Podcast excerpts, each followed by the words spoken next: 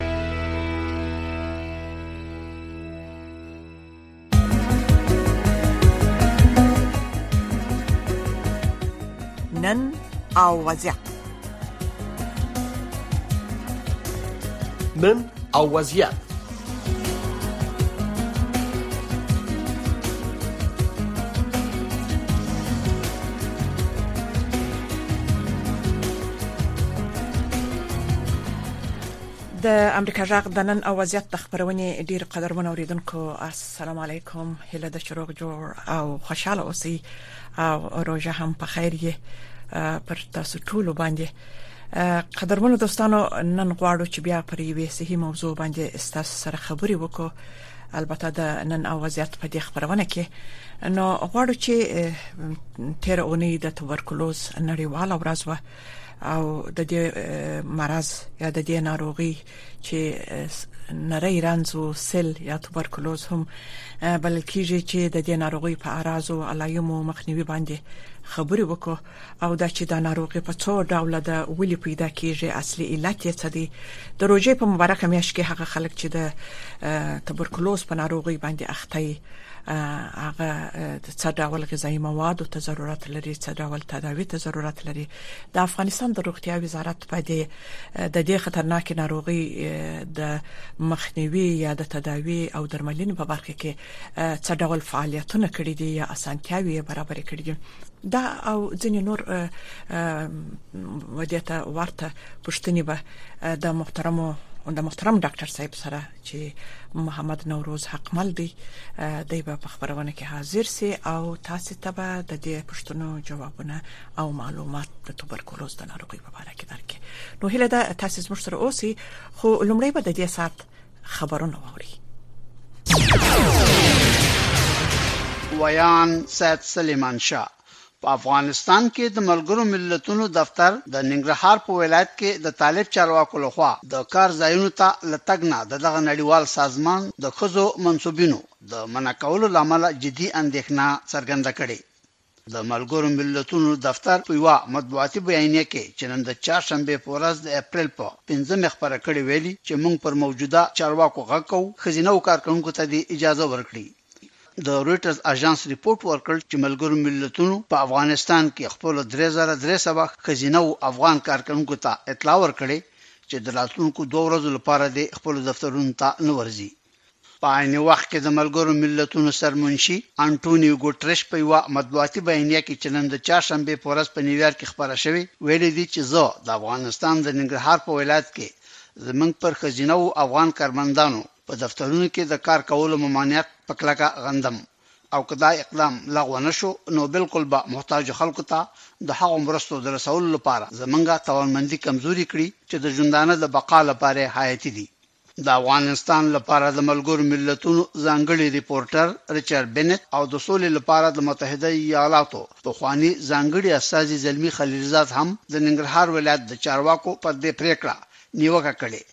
بنت وویل چې د ښځو کارمندانو په کار کولو باندې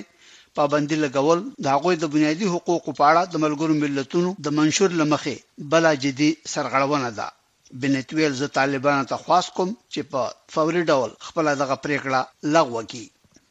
تاسو د افغانستان او نړۍ خبرونه له امریکا غږ واشنګټن نه اورئ. د ملګرو ملتونو د بشري مرستو د انسجام دفتر یا اوچا وايي چې په دوه زره درویشتم میلادي کال کې په افغانستان کې اړمنو خلکو ته د بنیادي بشري مرستو د برابرولو په منظور تر دې دمه یوازې پنځه فیصده پیسې ترلاسه کړې دي. د خبر تفصیل. اوچا تر دې مخکې په خپل وروستي رپوټ کې ویلي و چې دا کال د درویشت اعشاریه اووه میلیون اړمنو افغانانو سره د مرستې لپاره څلور اعشاریه شپږ میلیارد ډالرو ته اړتیا لري.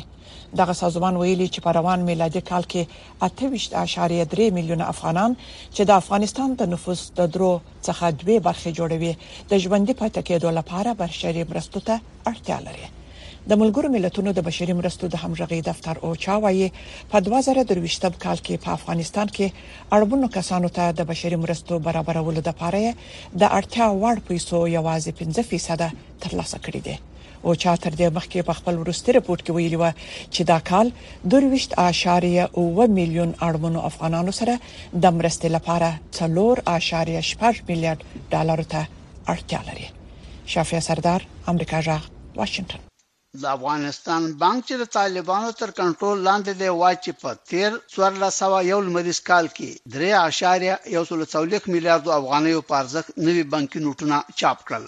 د دغه بانک د پولي پالیسۍ د چارو مسؤل ژورنالېستانو ته وویل، د تېر لمریز کال په دوران کې د یو میلیارد افغانیو په ارزښت نوي بانکي نوټونه په ګردش کې وو او سل میلیونه زاړه نوټونه یې راجمع کړل.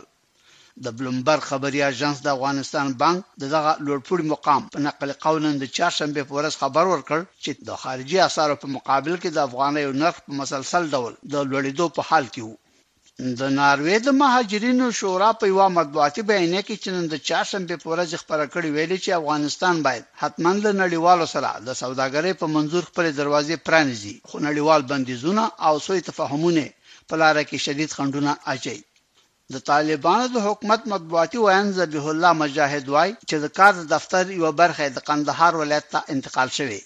مجاهد له طلوع نیوز سره په یوې ځانګړې مرکې کې وویل، که څه هم چې د ویاند د دفتر یوه برخه قندهار ته انتقال شوې، خو مرستیالان به یې په کابل کې پاتي. له بلې خوا د محلي مطبوعاتو د خبر له مخې، د مطبوعاتي ویاند پخوانی مرستیال انعام الله سمنګانی د قندهار ولایت د اطلاعاتو او کلتور د نوي رئیس په توګه نومول شوی.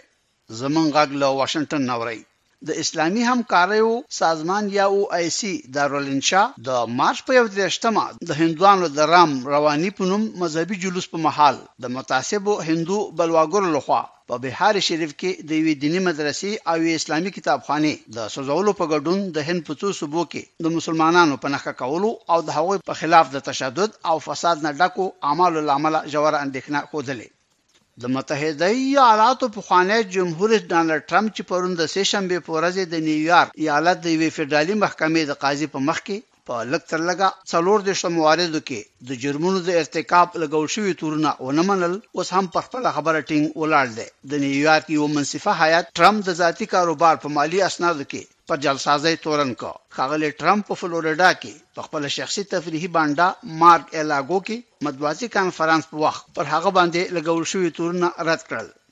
د نیویارک ایالت د قانون له مخې په کومو جرمونو چې ټرمپ تورن شوی په هر مورد کې سزا لږ تر لږه څلور کاله بند دی. ټرمپ چې ځان یې د دوه زره څلوېښت میلادي کال د جمهوري ریاست په انتخاباتو کې کاندید کړی د قانون له رویه اوس یو مجرم مدافع ګڼل کیږي. متحده ایالاتو د سې شنبې په ورځ د وږي په پنلسمه له ایران نه غوښتل چې په یمن کې د روان جنګ د پای ته رسولو په غرض د سولې د مذاکراتو د بهیر ملاتړ وکړي. د امریکا د کانګرس د استازو د مجلس رئیس کیون مکارتي د چین د سخت اعتراض باوجود نن د چهارشنبې په ورځ د تایوان له جمهوري رئیسې تاسي اینګ وینګ سره په لاس انجلس کې د نوموړې د تم کېدو په مهال ملاقات کوي. او سږکال په مصر، د منځني ختیځ په څلورو نورو هېوادونو او په شمالي افریقا کې د اقتصادي ستونزو له امله د روژې په میاشت کې خیریه موسسات بېوزلو او محتاجو خلکو ته د خوړو د برابرولو په برخه کې د پیسو له سخت کمبود سره مخ شوي دي. د خبرونو پای.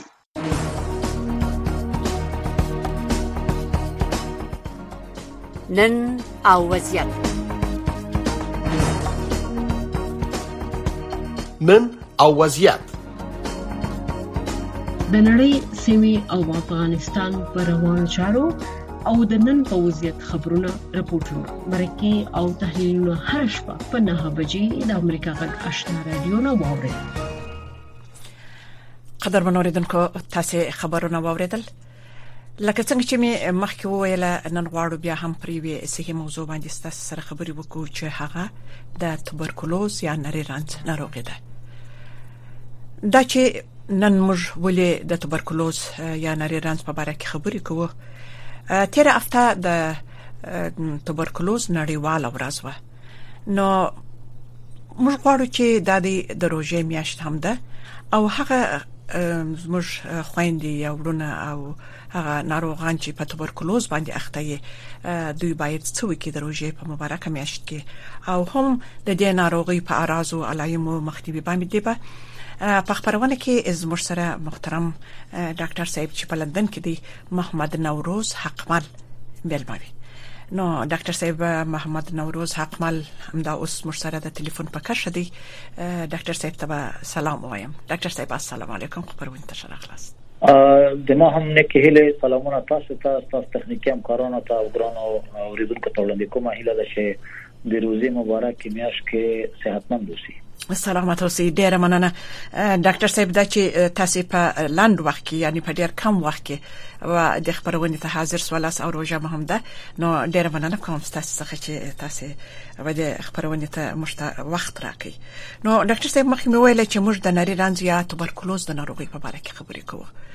دا چې د تبرکلوز یا نری رنځ اراز او علایمو مخنیوي سره کم باید وسی په دې خبرې وکړو خو لومړی براسو و دې ته چې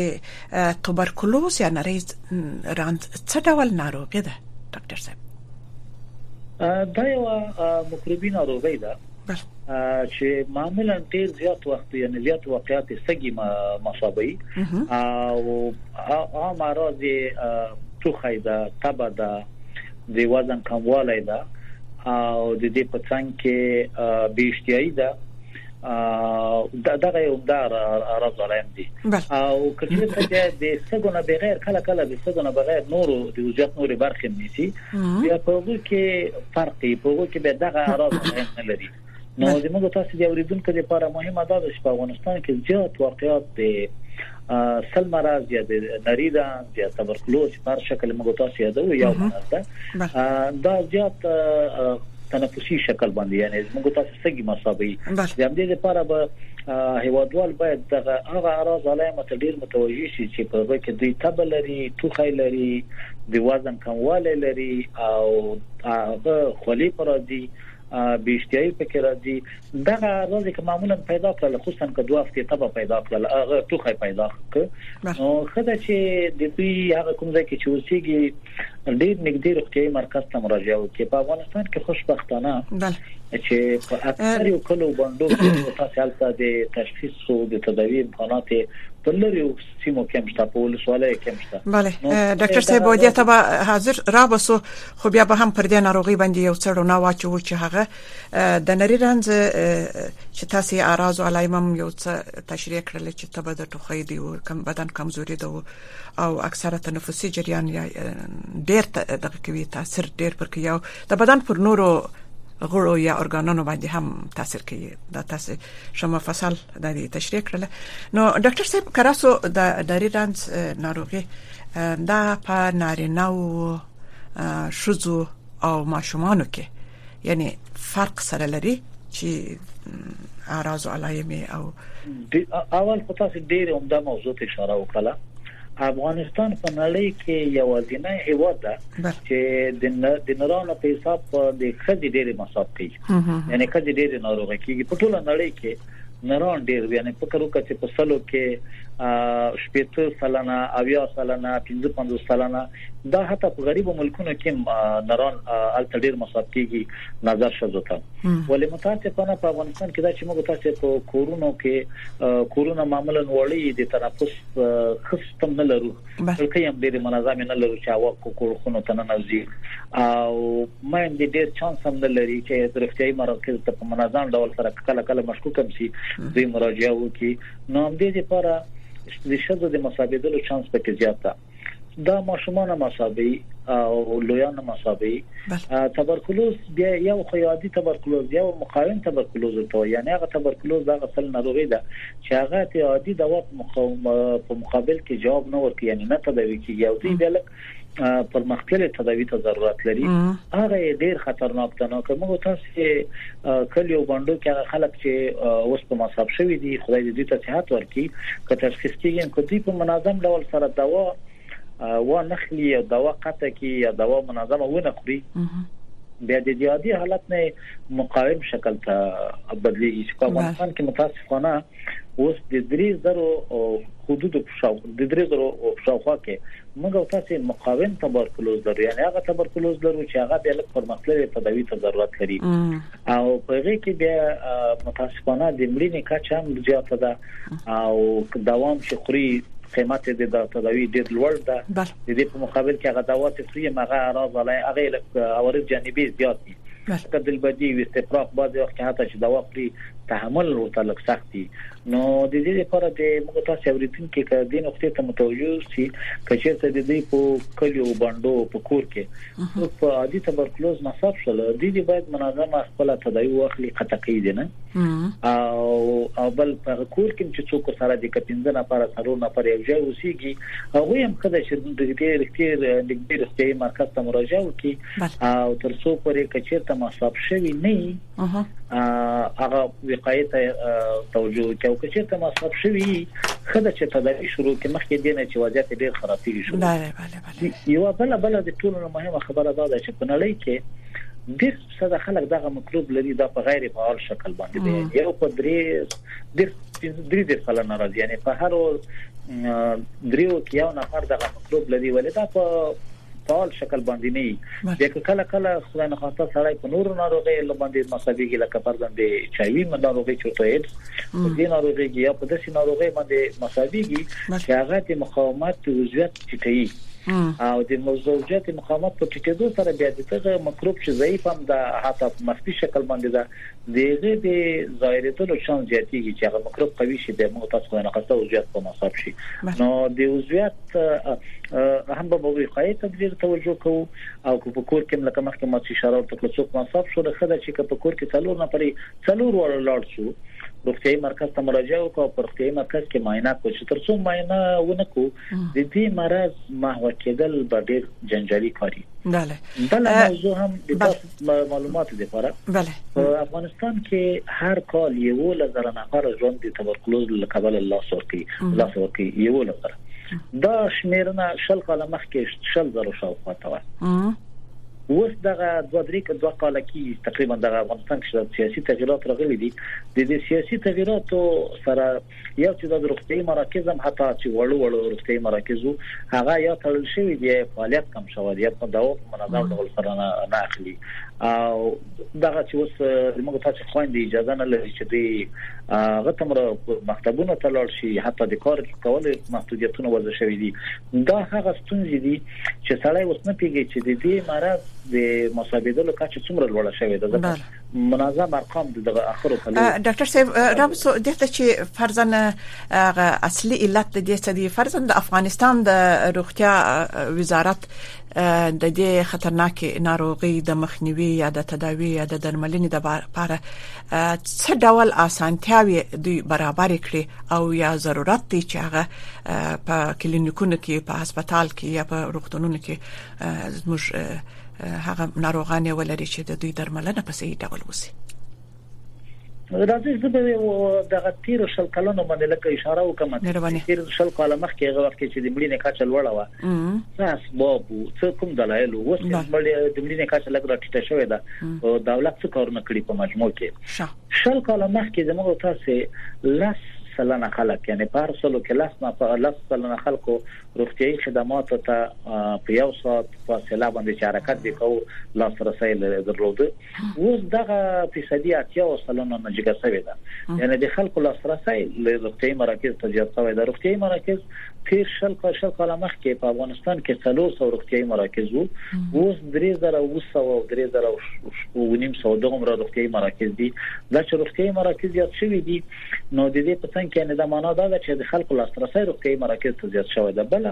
خبره دا ده چې په تیرو شلو کلو مخکې موږ حتی په بازي ولسوالۍ په په ډیر ولسوالۍ کې موږ د تبرکلوز درملنې مراکز نه درلودل اوس دا چې اوس خلک موږ تاسو ډیر خوشبخته شوی یو چې روغتیايي مراکز هم زیات شوي دي د تبرکلوز د مرض د وقایې لپاره ډیر غټي ډیر غټ قدمونه اوچت شوی دي یعنی هر روغتیايي مرکز ته څومره کوچنی روغتیايي مرکز په کلیو بندو کې که زموږ تاسو همکاران ورشي مریضان ورشي او هیوادوال ورشي هلته هغه ابتدایي تشخیص کېدلای شي بیا که چیرته لابراتوار نه لري دا اکثرا لابراتوار ته ضرورت لري بیا یو بل روغتیاي مرکز ته چې لابراتوار لري په هغه ولسوالۍ کې د سي په افغانستان کې موږ تاسو ولسوالۍ نه لرو چې هلته په ولسوالۍ کې مفت عادي په رایګان ډول سره د سي روغتیاي مرکز نه چې لابراتوار لري لابراتوار هم لري د ټولو نه مهمه خبره دا ده چې په هغه کوچني روغتيايي مرکز کې هلته د تبرکلوز دوا شته یعنی که چیرته تشخیص دی ولسوالۍ په کلینیک کې وسی بیا زموږ تاسو هوادوال د ځای کې وسیږي چې د ولسوالۍ نه فاصله لري نو بیا د دوی په هغه نږدې په یو سات فاصله کې چې پیادل ورځي دلته ډیر زیات چانس ته چلته دوی روغتيايي مرکز نه تازه خپل دوايي واخلي رښتیا هم د نری رنج د لپاره تر ټولو مهم خبره دا ده چې د دوی لابراتواري معاینات تر سره شي او هغه شرایط یا هغه حالات چې فرضاً په اکثره زموږ تاسو معلومه ده چې د افغانستان په روغتيایي مرکزونو کې چې هغه په کلیو باندې کې دي او لا په ولسوالیو کې دي هغه دونه وسایل نه لري چې هغه د امراضو د مخنیوي لپاره څه وکړي نو یو څو دانې دوا ګولۍ دي از مروستاس په اصطلاح باندې یو څو ټابلیټ پراته دي او دا ورکوي خو په اوسنۍ شرایط کې لکه تاسو چې ویل تاسو وایي مراکز ډیر دي مګر د ډاکټرانو کمبودي بیا ډیره ده ډاکټران نشته مسؤل کسان نشته دغه په دغه ایسه کې زموږ د خلکو ستونزې به خېټې دي تاسو ته معلومیږي ډاکټر صاحب ډیره غټه ستونزه همدا ده د ډیره دردور تار دردور حالت خو دا ده چې په افغانستان کې اصلا لکه مخکې چې ما اشاره ورته کړله د میندو د مصابېدلو چانس حتی د تبرکلوز د پاره هم زیات بیا چې سړی ولادیني صحیح خبرو بله بله ته متوجه شي چې میندې موږ تاسو خورګان ډیر زیات مصابېږي او بدبختانه اوس د حالت راغلی دی چې د جنونو د تحصیل او د زده کړې باندې ډېر ممانعتونه دي څوک اجازه نه لري یعنی مکتب ته تلل په تک جرم پیژندل شوې ده دا چې شل کاله مخکې موږ تاسو د عمر ډېر ستونزې درلودلې دلیل دا و چې هغه شل کاله مخکې موږ امنیتي ستونزې به اکثره په په خام وختونو کې لکه موږ تاسو چې په دې باره کې خبرې کولې ډاکټر صاحب تاسو په یاد دي چې موږ په دې باره کې د صحي مسایلو باندې ډېر خبرې کړې دي مګر امنیتي ستونزې بعض وخت ډېر وي خو اوس چې لابراتوارونه ستا او روغتيایي مراکز ستا او امنیت د دې ستا چې خلک الته لاسرسي ولري بیا د ډاکټرانو کمبودي ده بیا د خصوصا د شوزو ډاکټرانو چې لکه تاسو چې اشاره وکړه بله روغتيايي سیستم تنها په لابراتوار نه کیږي روغتيايي سیستم لپاره باید یو نفر چې لابراتوار وچني آفرین بله صحیح خبره تشخیص ورکړي بله روغتيايي سیستم کې موږ تاسو باید زنانه پرسونل لرو چې خور موږ تاسو خويندې معمولا دغه ولایتونو چې ویلې جرأت نه کوي چې د نظر سره خبري وکړي دوی په آرامي سره دوی هلته مراجعه وکړي او خدمات ورته وړاندې شي نو اوس په موږ تاسو د موجوده امکاناتو نه استفاده کوو څومره چې امکانات شته دي نه استفاده کوو هیله ده چې په راتلونکي وخت کې دغه د زده کړو دروازې د ټولو خويندو پر مخ خلاص شي او په راتلونکي وخت کې موږ تاسو د زنانو او پرسونل او کمبوتونه لرو متاسفانه نن په روزګان کې یو ډاکټر موږ زنانه لرو یو پکتیکا کې یو ډاکټر لرو داسې ډېر نور ولایتونه دي چې هلته یوه ډاکتره ده فکر وکړه چې د هغې ډاکترې او ډاکتر صاحبې اولادونه هم که مکتب ته لاسرسی ونه لري دوی لاړ نه شي د نجونې نو هغه به یو ورځ مجبور شي چې هوا پرېږدي او هغه د ځای ته لاړ شي چې خپل اولادونه د پاره د تحصیل زمينه مساعدي نو دا به هغه بدبختی چې موږ تاسو هیوادوال به ډېر ډېر وځوري نو زموږ امید دا ده چې دغه موجوده خلک چې اوس په افغانستان کې دي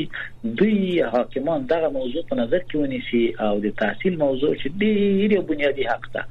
دا حق ورکړي ځکه که تحصیل ته موږ تاسو توجه نه کو صحت هم توجه نه شو کولای تحصیل زده کړه او صحت یو بل سره تړلي دي هر جامعه چې د زده کړې چانس نه لري هلته ډیره مشکله ده چې سړی بیا دی د غهیوات په روغتیاي سیستم تبرکلوز خبرې کوي تبرکلوز خو دا خبره ده چې موږ تاسو د خلکو آگاهي د خلکو د معلوماتو کچه څنګه لوړه کړو هغه کې بیا هم هم دغه زنانه پرسونل ډیر رول لري او اوس که دوی اکثرا که چې ته خدای نه خواسته زموږ تاسو وادوال اوس دغه راز علایم چې موږ مخکې اشاره وکړه دغه ستونزې ولري دوی د روغتي مرکز ته لاړ شي اوس امکانات شته او د دې په مې چې ورځ دغه مشکلات چې د متاسف خويندې اوس د کار اجازه نه لري او د تحصیل اجازه نه لري د تم زمينه مساعد شي او دغه اخرینی معلومات چې ما ترلاسه کړي دي هغه دا ده چې روغتيایي سیستم کې موانع نشته یعنی په دې معنی چې ډاکټر صاحب هم خپل کار ته تللی شي نرس هم کار ته تللی شي صحیح خبره ده کار ته تللی شي واکسیناتور هم تللی شي نو دوی د نو کوشش وکړي چې روغتيایي مرکز ته لاړ شي که روغتيایي مرکز ته لاړل په اول قدم کې کمبوتې پرسونل او بیا د دویم قدم ته لاړ شي ځکه دغه مرض چې څومره یې د تشخیص فاصله زیاتیږي یعنی په کم وخت کې تشخیص نشي همغومره خطرناک ثابتیږي په نور هیوادونو کې هم دسي ده حتی دا مرض په امریکا کې هم شته معلومدار په ټوله نړۍ کې شته په ټوله نړۍ کې ستاسو دلته د بدبختی څه شي د پاکستان کې دلته متاسفانه ډیر مهاجرین چې د نورو ملکونو نه راځي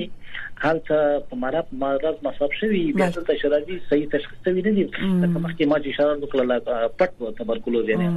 وضعیت کې مکروب لري نو دلته په منظم ډول سره پرستي مراکز ته مراجعه ونه کې حتی په دوه ملکونو کې د تبرکلوز نه خلک بله بله د مړ کېدو چانس شته تاسو یې کور ودان ډاکټر صاحب حقمل وبخښي پښتني بيخي ډېری دی په دې باره کې بيخي ډېری خبرې کولای سو او معلومات ستاسو هم بيخي په دې سکه ډیر دی نو دا چې وخت لږ دی او اوس موږ تقریبا درې دقیقې نور لرو ډاکټر صاحب را بسو بیا هم د خپل